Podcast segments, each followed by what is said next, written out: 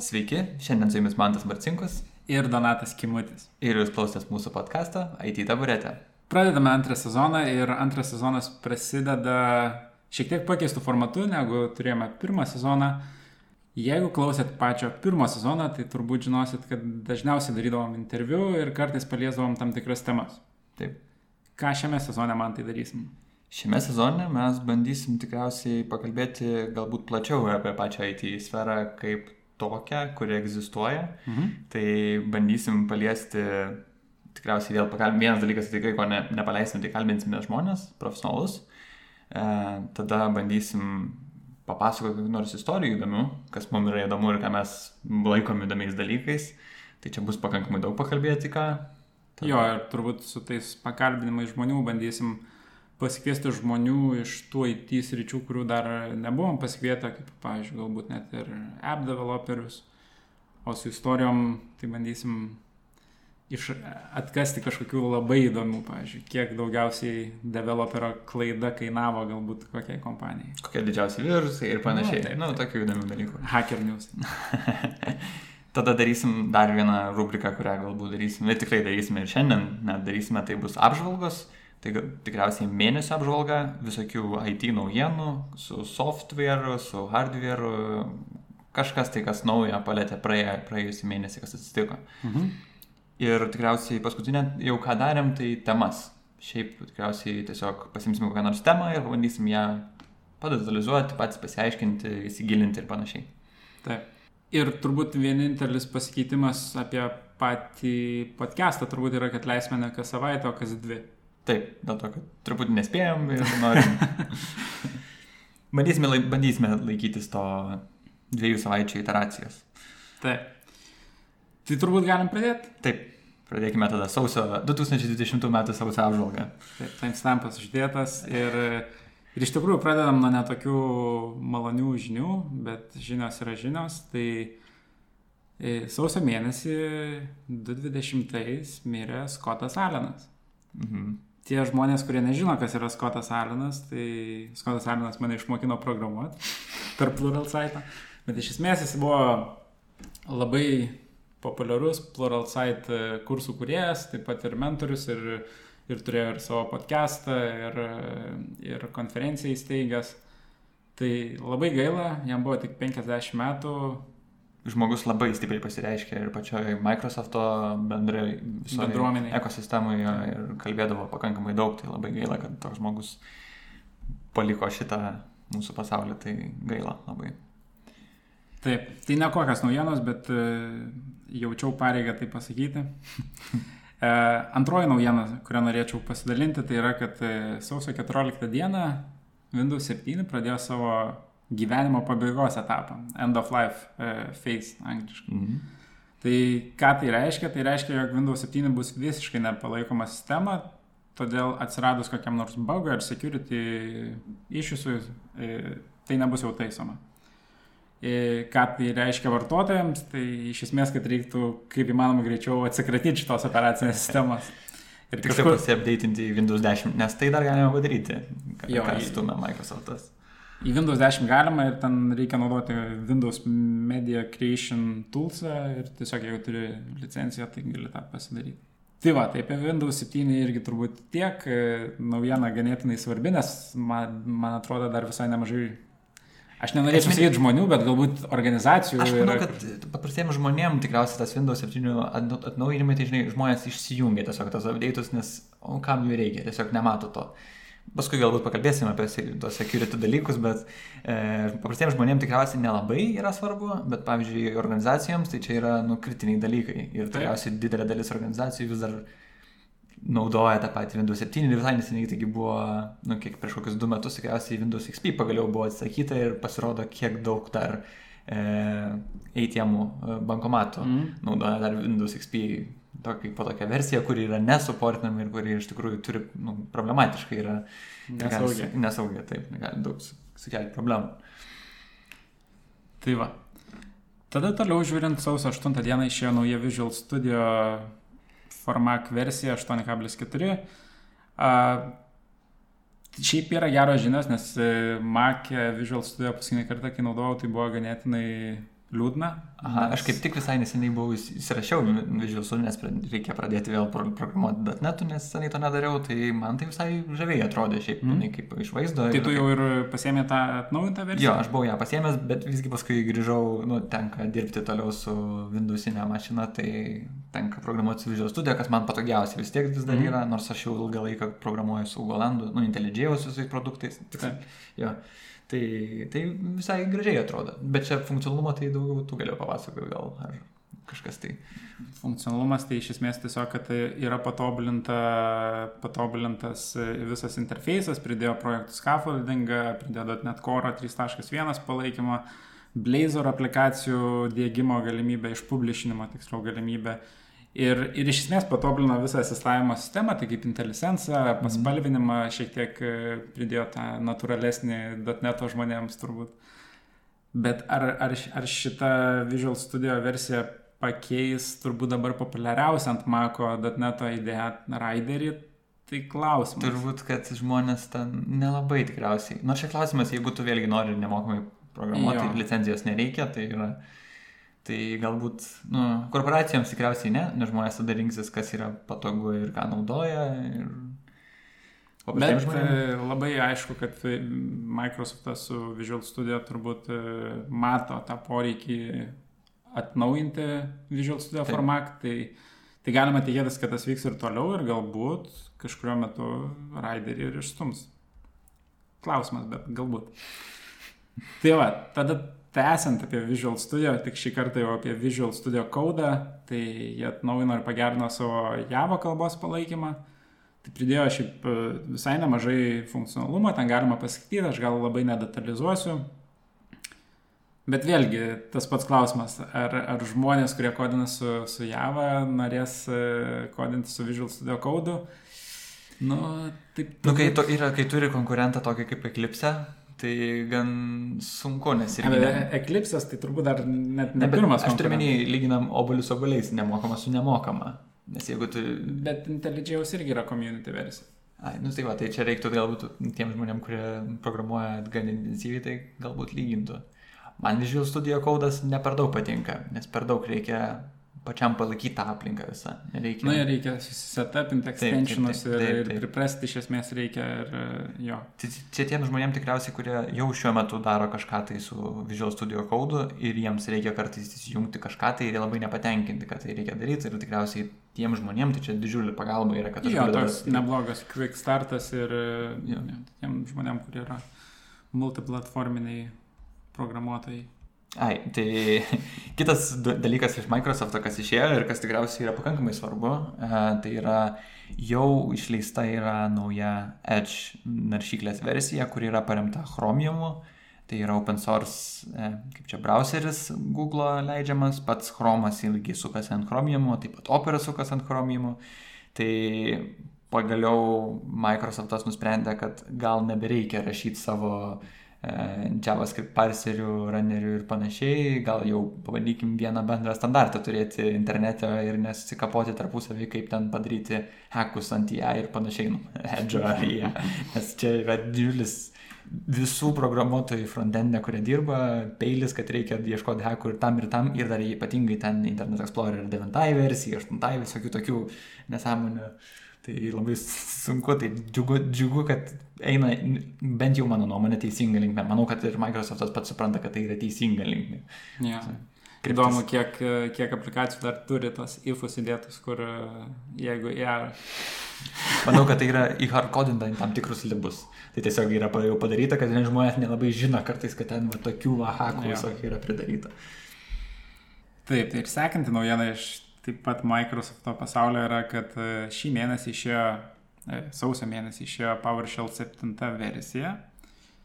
Ir PowerShell 7 versija turi nemažai atnaujinimų, tai visų svarbiausia turbūt yra integracija su .NET Core 3.1 ir, ir dar visai nemažai kitų e, feature'ų, kuriuos galbūt galite pasiskaityti, jeigu naudojat PowerShell'ą. Ir kas yra smagu, jog PowerShell'as labai glaudžiai dirba su .NET komanda ir, ir jie turi tos planus e, ir toliau updatintis ir kaip žinom, mes su Mantu Dabar ir jūs žinosit, kad e, šių metų rudenį planuojama išleisti .NET 5 versiją, kur nebeliks .NET Core ar .NET frameworkas, nes 4.8 tiesiog bus jau nurašoma į tą suportą, o, o toliau tęsis be Core, o tiesiog e, Unified versija. Tai gal šiek tiek trumpai, kas yra .NETas ir .NET Core'as, gal ne visi žino, kas yra koks skirtumas.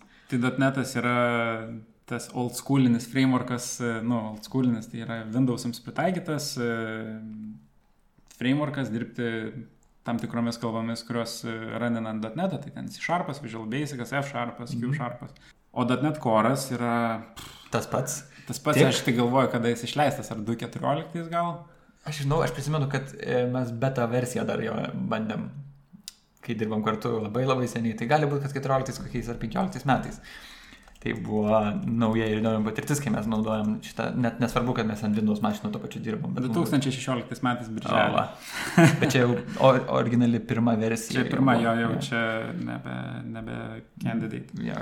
Tai va, jo, .NET Core'as yra tiesiog, kad e, galima būtų visose platformose dirbti ir Linux, visose Mac, Mac ir tuose pačiuose Windows'uose. Dėl to labai daug žavės atsiranda .NET, e, kaip po tokią kalbą naudot, kad gali rašyti jau ne tik tai specifinėse mašinose, bet to pat tu gali sukti ant Dockerio ir... Turbūt vienas iš geresnių Microsofto strateginių ėjimų buvo, nes iš esmės, nu, .NET'as turbūt yra labiau enter, buvo enterprise'inis. Mhm frameworkas, kur didelėse kompanijose jis buvo naudojamas, o šiaip žmonės, tie, kurie tiesiog savo projektukus darėsi, tai nedarė turbūt su .NET, nes jie norėjo ten ir paeksperimentuoti su tais pačiais konteineriais, kai jie pradėjo atsiradinėti ir taip toliau, o tada nelabai buvo galima to daryti, o su .NET Core mhm. galima.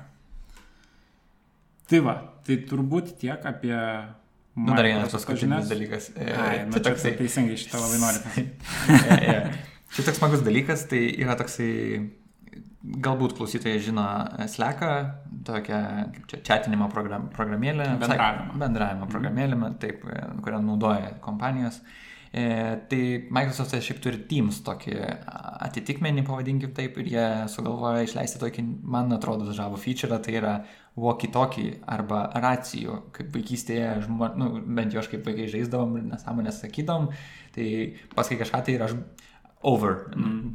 Aš baigiau ir taip pat tu tesi tada kalbėti ir vėl over pasakai. Tai jie išlei, planuoja išleisti šitą feature kaip pasikalbėjimų, tokį labai trumpą ir greitą, bet čia yra kas žavu, tai yra, kad vyksta ryšys ne per raciją, nu ne per radio bangas kaip tos veikia, o internetu tai reiškia, kad aš galėčiau, tu būni Danijoje ir mes galime taip pasišnekėti trumpai su savo over and over and over and out ir panašiai. Tai čia tiesiog žavus dalykas, kad... Bet tai čia bus kažkoks appsas, kurį...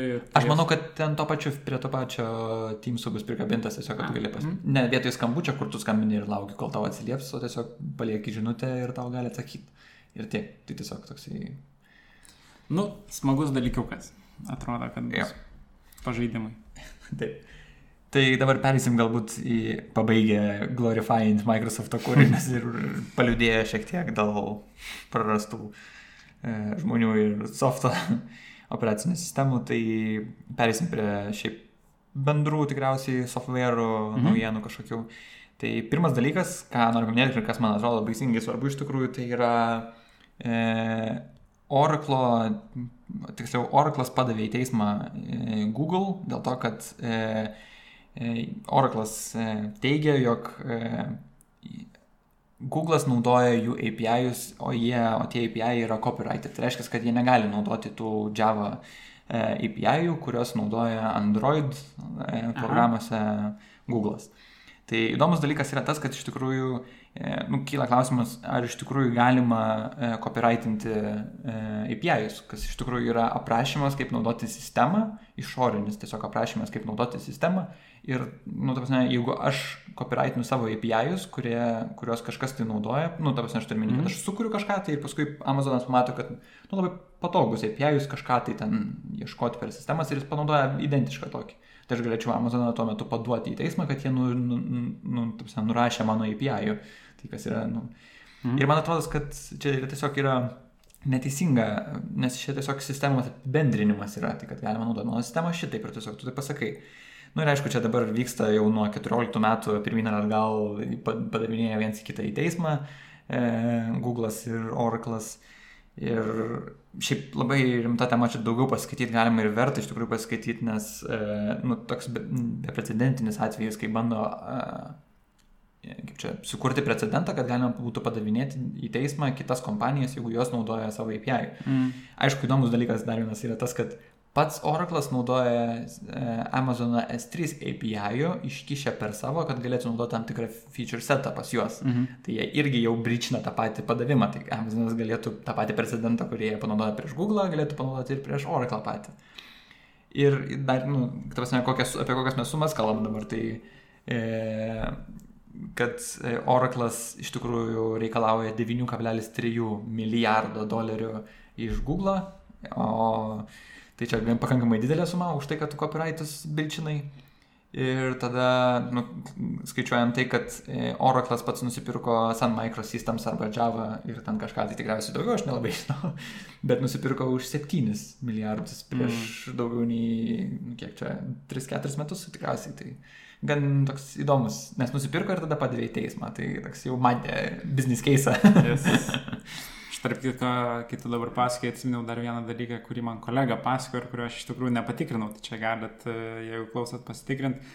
Bet iš esmės, jeigu tu kodini .NET ir naudoji kažkokį NuGet package, kur NuGet package'as yra open sourcinis, tai tu privalai savo projektą padaryti open sourciniu. Otherwise. E... Ne, čia klausimas, nuo kokio, koks aprašymas yra to pačio copyrighto, kurį tu prasisinti package, kartu ateina ir readme failiukas, mm. kur yra parašyta kokia čia yra licenzija. Ir ten priklauso nuo licenzijos, tai nebūtinai turi open source, bet tu turi būti, kad tavo projekte pasakyta, kad vat, nu, mes naudojame šitą dalyką ir nu, tą pasakyti, kad tai yra tas projektas toks. Mm. Neprivalo pilnai patapti. Ir yra skirtingos licenzijos ir vieną licenciją gali sakyti, kad tu negali naudoti, jeigu tu į savo produktą pardavinėsi nu, tu, aš aiškiai pardavinėsiu. Jeigu mes dabar viduje teikiam kažkokias paslaugas, nu, prasme, viduje, ba, ba, tarkim, bankė arba kompanijai, nesvarbu, e, jeigu viduje naudojam, tai, tai nėra tas dalykas, mes nepardavinėjom to pačio, kaip čia, software. Tai čia, ja. Ir nuo licencijos priklauso, licencijų yra krūvų krūvos, tikrai mes galime vien visą podcastą apie tai kalbėti ir čia, aišku, ten niuansai prasideda visokie ir panašiai. Žodžiu. Tęsiam. Taip. Sekanti naujiena yra apie Pitoną. Tai antra Python versija pagaliau yra taip pat e, žudoma, e, nebepalaikoma bus. Ir e, Pythonas trečias iš esmės jau buvo išrelysintas 2008 metais ir, ir jis nebuvo nu, backwards compatible su Pythonu 2. Tai jeigu tu turi aplikaciją su antru parašytą, negali tiesiog pamigruoti, nes ten ir, ir API nesutardavo ir taip toliau.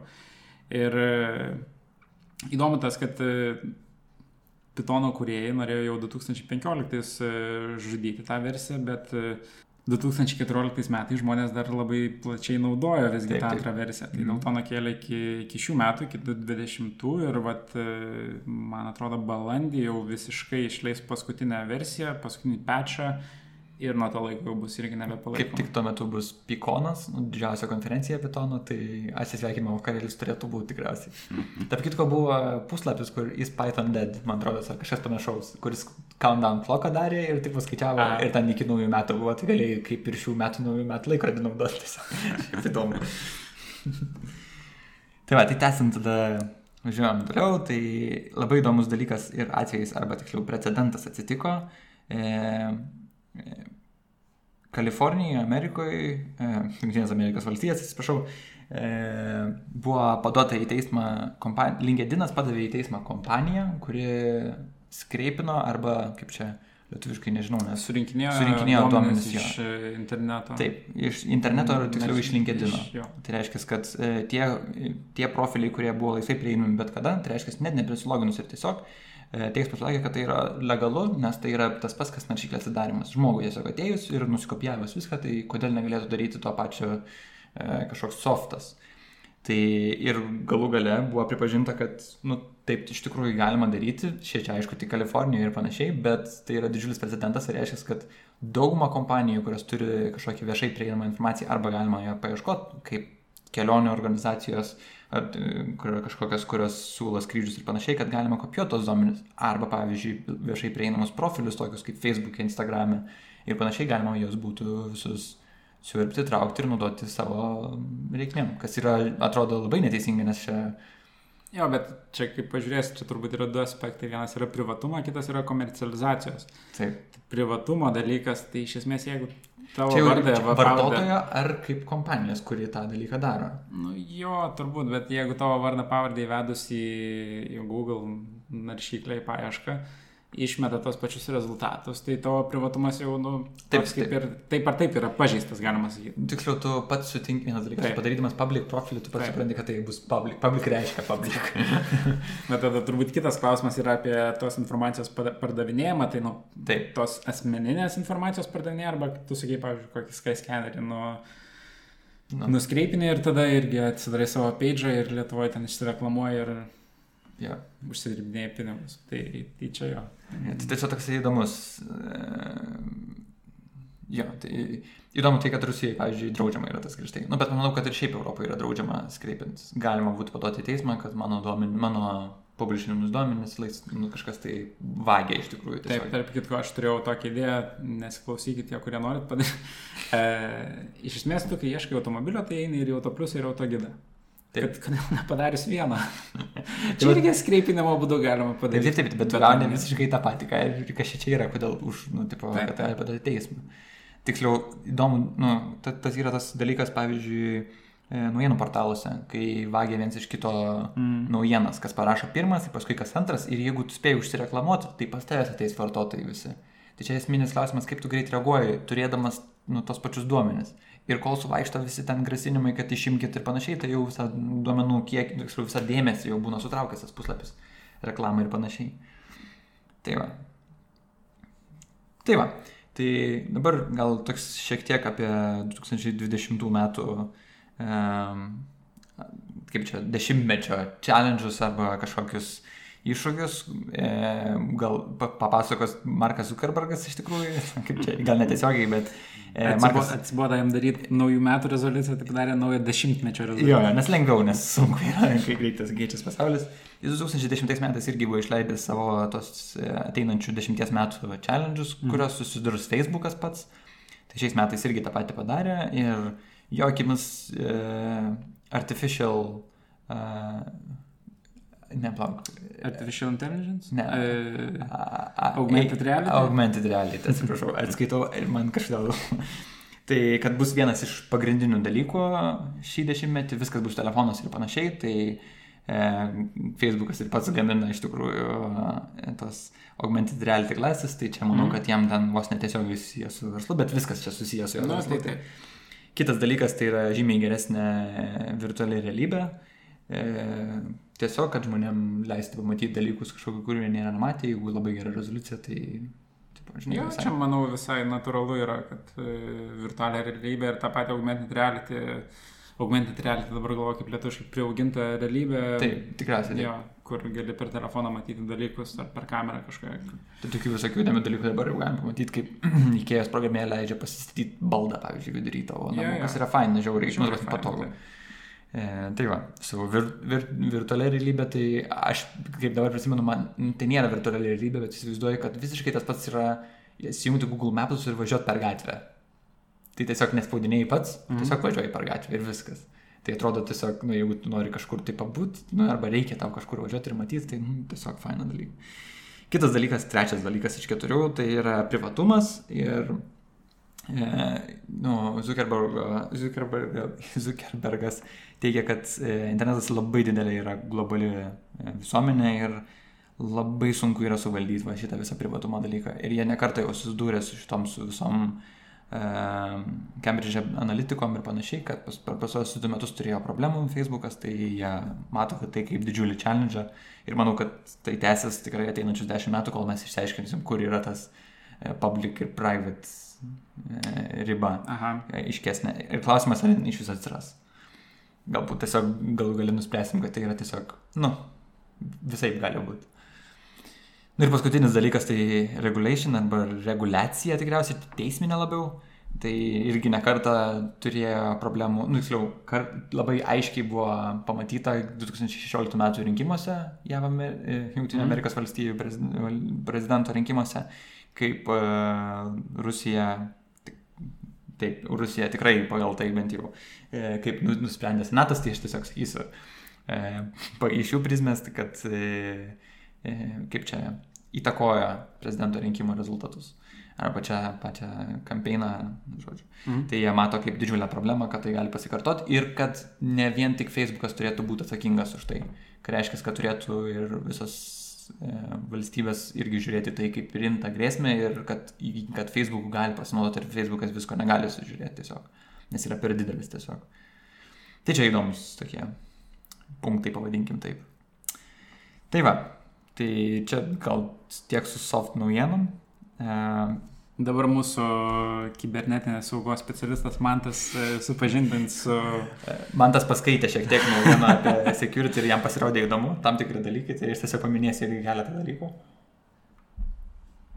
E, Pirmas dalykas, šiaip, nu, tiesiog keletą dalykų. E, Yra programėlė TikTok, e, jinai yra labai stipriai išpopuliarėjus trumpų labai video, e, kaip čia, video platforma, tiesiog vaizdo įrašų, e, ten su dainavimais, visokiais, nu, žodžiu, Mhm. toks Instagram'o, YouTube'o labai trumpas e, mi miksas jo toksai. Mhm. Ir jis labai išpopuliarėjo stipriai Kinijoje iš pradžių ir paskui perėmė ten ir Junktinės Amerikos valstybės, paskui Europoje, dabar iš tikrųjų pakankamai populiarus yra.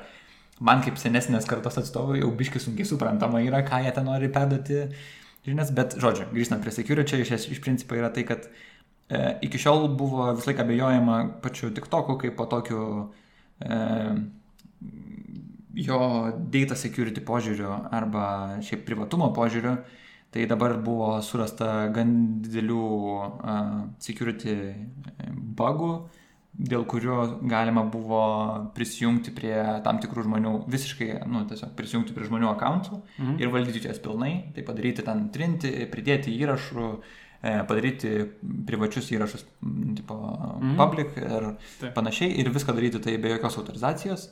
Tai nu, didžiulis buvo sujudimas ir tada pradėjo, aišku, susigrybo tik tokas ir pradėjo mm, tvarkytis, bet čia tik tai vienas security breachas buvo, tai klausimas, kiek ten iš tikrųjų ir kaip jisai yra suprogramuotas iš tikrųjų. Nu, bet čia tikriausiai visų programuotojų klausimas yra, jeigu tu esi pasiekimas iš interneto, ar tu gali užtikrinti savo vartotojus duomenų saugumą. Tai čia kiekvienas mm. turėtų šitą užduoti klausimą. E, kitas dalykas yra, e, buvo surastas dar vienas malware, kaip išversti malware. E, A, nežinau. kenkėjiška programa, pavadinkim Taip. taip. E, Liquid botas, kuris buvo kartu vaikščiojo, pasirodo, kad kartu vaikščiojo su tokiu Mirai e, botnetu. Mirai botnetas jungiasi prie visų Internet of Things dalykų, kaip lempos, visokie routeriai ir panašiai. Ir tada būdavo kaip botai, kurie puldavo kažkokius specifinius taikinius. Tai Mirai buvo vienas iš garsesnių 2016 metais. Tai panašu, kad Liquid botas yra tiesiog kartu ėjęs irgi taip pat ir gali, ga- gali sugadinti nu, vat, visokius įrenginius tavo namų. Ten šviesas, ten dabar taigi viską kūrė, tos termostatai, durų spynos, vat, Internet of Things, nu, ta prasme, iš esmės. Tai jis buvo surastas, labai daug problema, pro, nu, problemų matė, kad jie yra pas, paplitę, kad jis yra paplitęs. Nu, bet kodėl man jis įdomus pasirodė, tai yra, kad jis buvo parašytas su Go, kas nėra įprasta praktika ir labai nestandartiškai. Nu, ir čia paminėta yra straipsniuose, kad e, labai svarbus dalykas Go prieš C, kaip rašo malvėra su C dažniausiai, arba Mm. C, arba šiaip su C style e, programavimo kalbom. Tai kad e, Go yra labai griežtai žiūri į memory safety, tai reiškia, kad jis tau nelikins niekur, jeigu tu parašysi jau normaliai, e, tada garbage collection labai geras yra, kai tu tarpus jį, nu, ten gali pamesti visokių pointerių ir panašiai, e, kad yra klasės, nu, structural type, nu, Taip. nu, kaip typing, nežinau, nesvarbu. Jo, tai va, tai tokių įdomių dalykų, kad e, pradėjo tokias kalbas, kurios yra dabar labai stipriai augančios ir aš rašau jau pakankamai seniai, bet jos yra man labai žavios.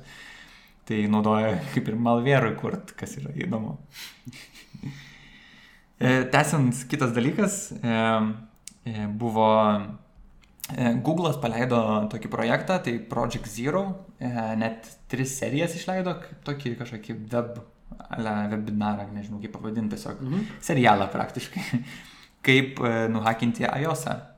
Tai su visom Instrukcijom. instrukcijom step by step, kaip hakina. Aišku, tas buvo dar praeitų metų rūpiučio mėnesį patchas buvo išėjęs, bet tik po to, kai tas išėjo, tikriausiai aišku informavo pirmą Apple, kad tai bus ir kad mes leisim tokį dalyką, bet galima buvo užlaužti. Mm. Tai įdomu, kad Google'as inicijavo tokį veiksmą ir tokį projektą sukūrė, kas konkurencingose kompanijose visai turėtų Nežinau, ar dėkingi būtų, gal net šiek tiek pikti. Patyzina šiek tiek. Jie, yeah, patyzina, kad mes, žiūrėkit, galim biški padaryti. Galbūt dabar Apple'as dirba ant pikselio nulaužimo. Galbūt nėra kada nulaužti, tikriausiai va. Gal Apple'as net nevarsta dėl to, kad, nu žiūrėkit, imkite va čia porą straipsnių, pasižiūrėkit, kas nulaužė.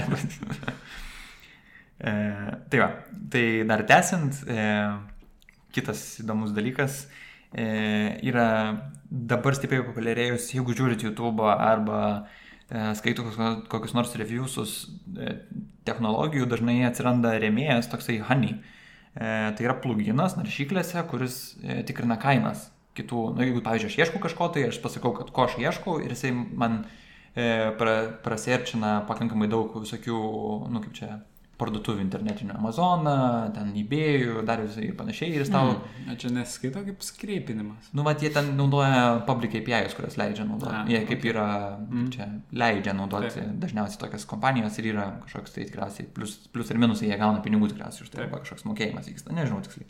Verslo modelis man irgi keistas pakankamai, e, bet įdomu yra tai, kad e, Amazonas e, šį mėnesį paskelbė, kad Honey yra security riskas ir gali būti, kad nebeleis naudotis. Ir kodėl taip svarbu naudoti, neaišku, kažkokią pluginą neleis naudoti Samsungas. Aišku, vartotojams nepatogu, nes jie naudoja ir mm. panašiai, bet PayPalas sumokėjo 4 milijardus dolerių už jį visai neseniai. Mm. Tai toksai atrodo, kad ką tik nusipirko tavo verslo modelį ir staiga Amazonas sako, sorry, negalit naudotis mumis. Kas yra tikriausiai didžiausias e, portalas, kur, iš kur tikriausiai galima nusipirkti dalykų. Ja. Tai grūna visas verslo modelis. Tai va. Jo, ir tikriausiai paskutinis galbūt security jo dalykas.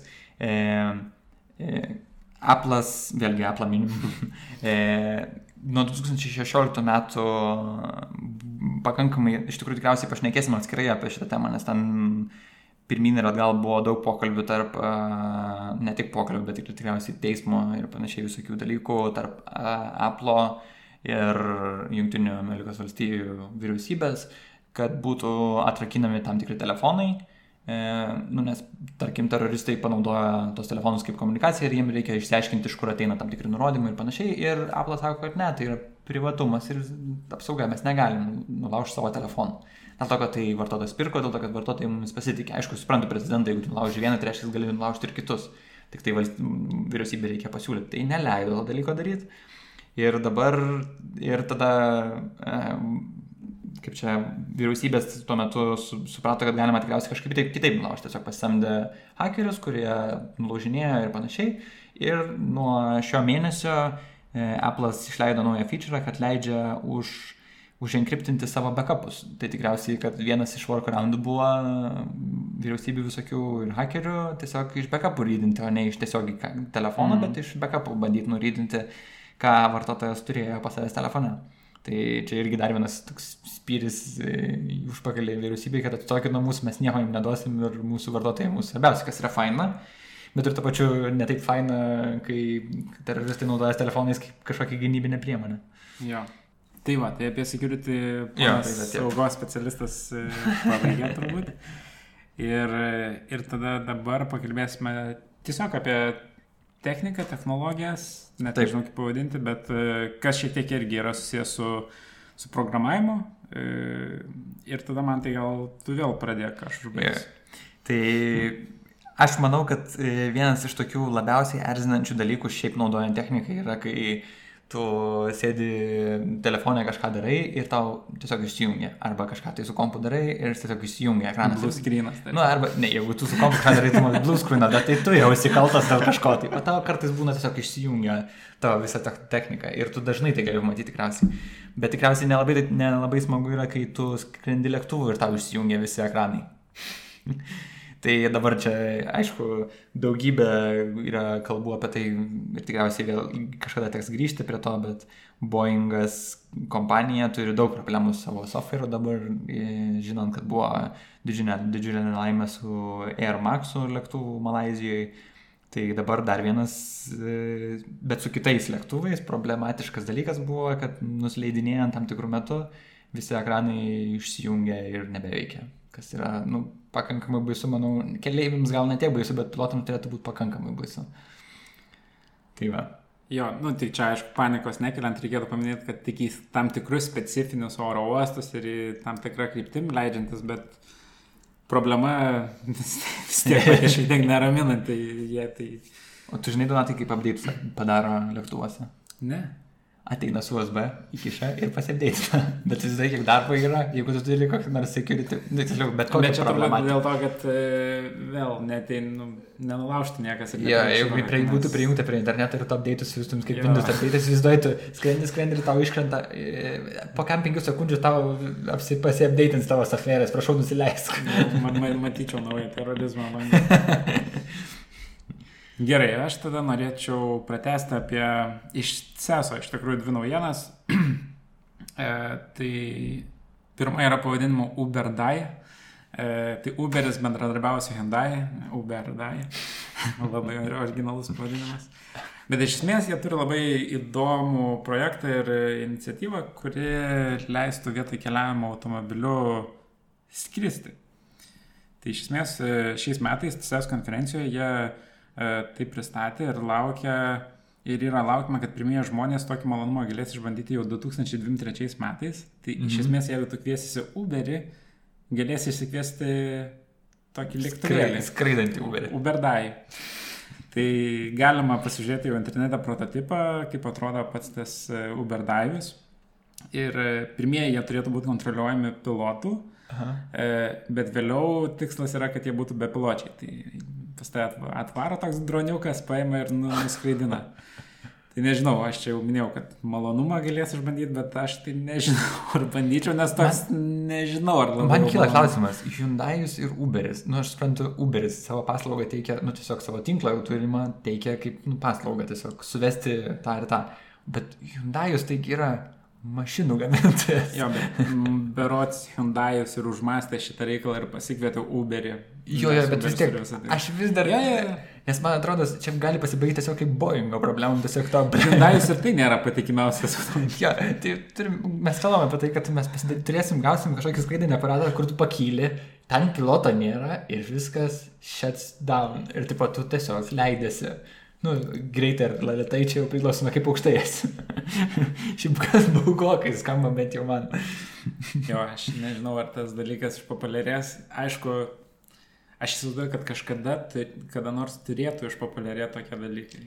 Turėtų, manau. Nežinau, kaip oro, tais, oro kelių eismo taisyklės pasikeis ir kaip tai jos turėtų būti vienas. Tas labai sunku, man jau, aš, nu, kaip sudėti tai į galvą savo ir įsivaizduotas taisyklės. Čia ne dvi dimensijos. Turbūt tas, kai išpopuliarės, mes jau busim, žinai, tokie old, old schoolai ir sakysim, kad čia jaunimas. Kai mano laikai buvo, aš Uberį užsisakinėdavau, kuris važiuodavo ant žemės. tai va, ir, ir tada norėčiau užbaigti su tokia viena iš keistesnių ir gal įdomesnių naujienų. Tai yra tokia kompanija Chermin, jinai gamina tualetinį popierių. Ir CES konferencijoje pristatė naują robotą, tualetinio popieriaus atnešėja, pavadinimu Rollbotas. tai... Labai naudingas daiktas. Bet šiaip, tai bionas, tai porą kartų esu pagalvojęs, kad galbūt tokio roboto reikėtų. nu, kartais būna, nu, jeigu pasibaigia popierius. Vieną kartą, ne... pusę, vieną kartą pusę metų, o taip reiktų. Nu, nu, nėra maloniausia situacija, kai pasibaigia. Tai... Tai idėja faina, tačiau nėra atskleidžiama, kaip robotas pasims tą tualetinį popierių, galbūt jis e, savieji laikys, ir šiaip nėra dar paskelbta, ar jisai mokės atsidaryti duris. Tai jeigu durų jis atsidaryti nemokės, tai turim du pasirinkimus realiai. Arba eiti į tualetą su neuždarytom durim.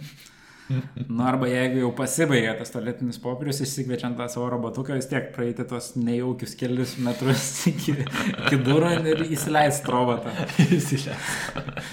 tai... A, nelengviau yra šunį išmokyti, kad atneštų to tualetinį popierių. Ne, nežinau, turbūt. Tai, bet kuriuo atveju keista, bet gan įdomi naujiena. Ir e, tie patys Čermin e, pristatė ir dar vieną įrenginį susijusi su panašiais dalykais. Mm -hmm. Tai čia jau tokį grinai, aš tai jį laikau kaip juokelį, aš nežinau, ar jie turi e, realų use case, tai kvapų matuoklį SmellSense. E, šis įrenginys susidės iš dviejų dalių, tai daviklio jūsų tualeto kambaryje ir e, ekrano ant tualeto durų. Ir veikimo principas e, labai paprastas ir man, man tai juokingasis. Mhm. Tai blogo kvapo daviklis, aptikęs blogą kvapą, planšetė rodys, kad, kad reikėtų dar luktelti prieš einant į tualetą arba būti pasiruošęs nemaloniam surprizui. tai iš esmės tiesiog ateini prie tualeto ir rodo, kad, nu, tu gal dar neik, nes ten nėra labai gerai. Gal kokiose public e, vietose ir geras dalykas, bet spėjau, kad ten visada rodytų neit. Jo, taip, manau, va čia yra didžiausias, koks tavo pakantumo lygis labai stipriai yra, o jeigu labai nori, ką tada daryti? Tu esi linkęs bėgti už kampą? ja, nežinau. Tai va, anyway, šiek tiek toliau nuo programavimo, bet, bet buvo jokinga ir, Aha. ir įdomu, bent jau norėjau pasidalinti. Gerai, tai tada viskas su naujienom tikriausiai? Taip, su naujienom viskas. Tai ačiū tau, Donatai, už pokalbį. ačiū tau, man tai. tai baigiam sausio apžvalgą, susitiksime kitose podcastuose. Čia buvo Donatas. Mantas ir iki. Iki.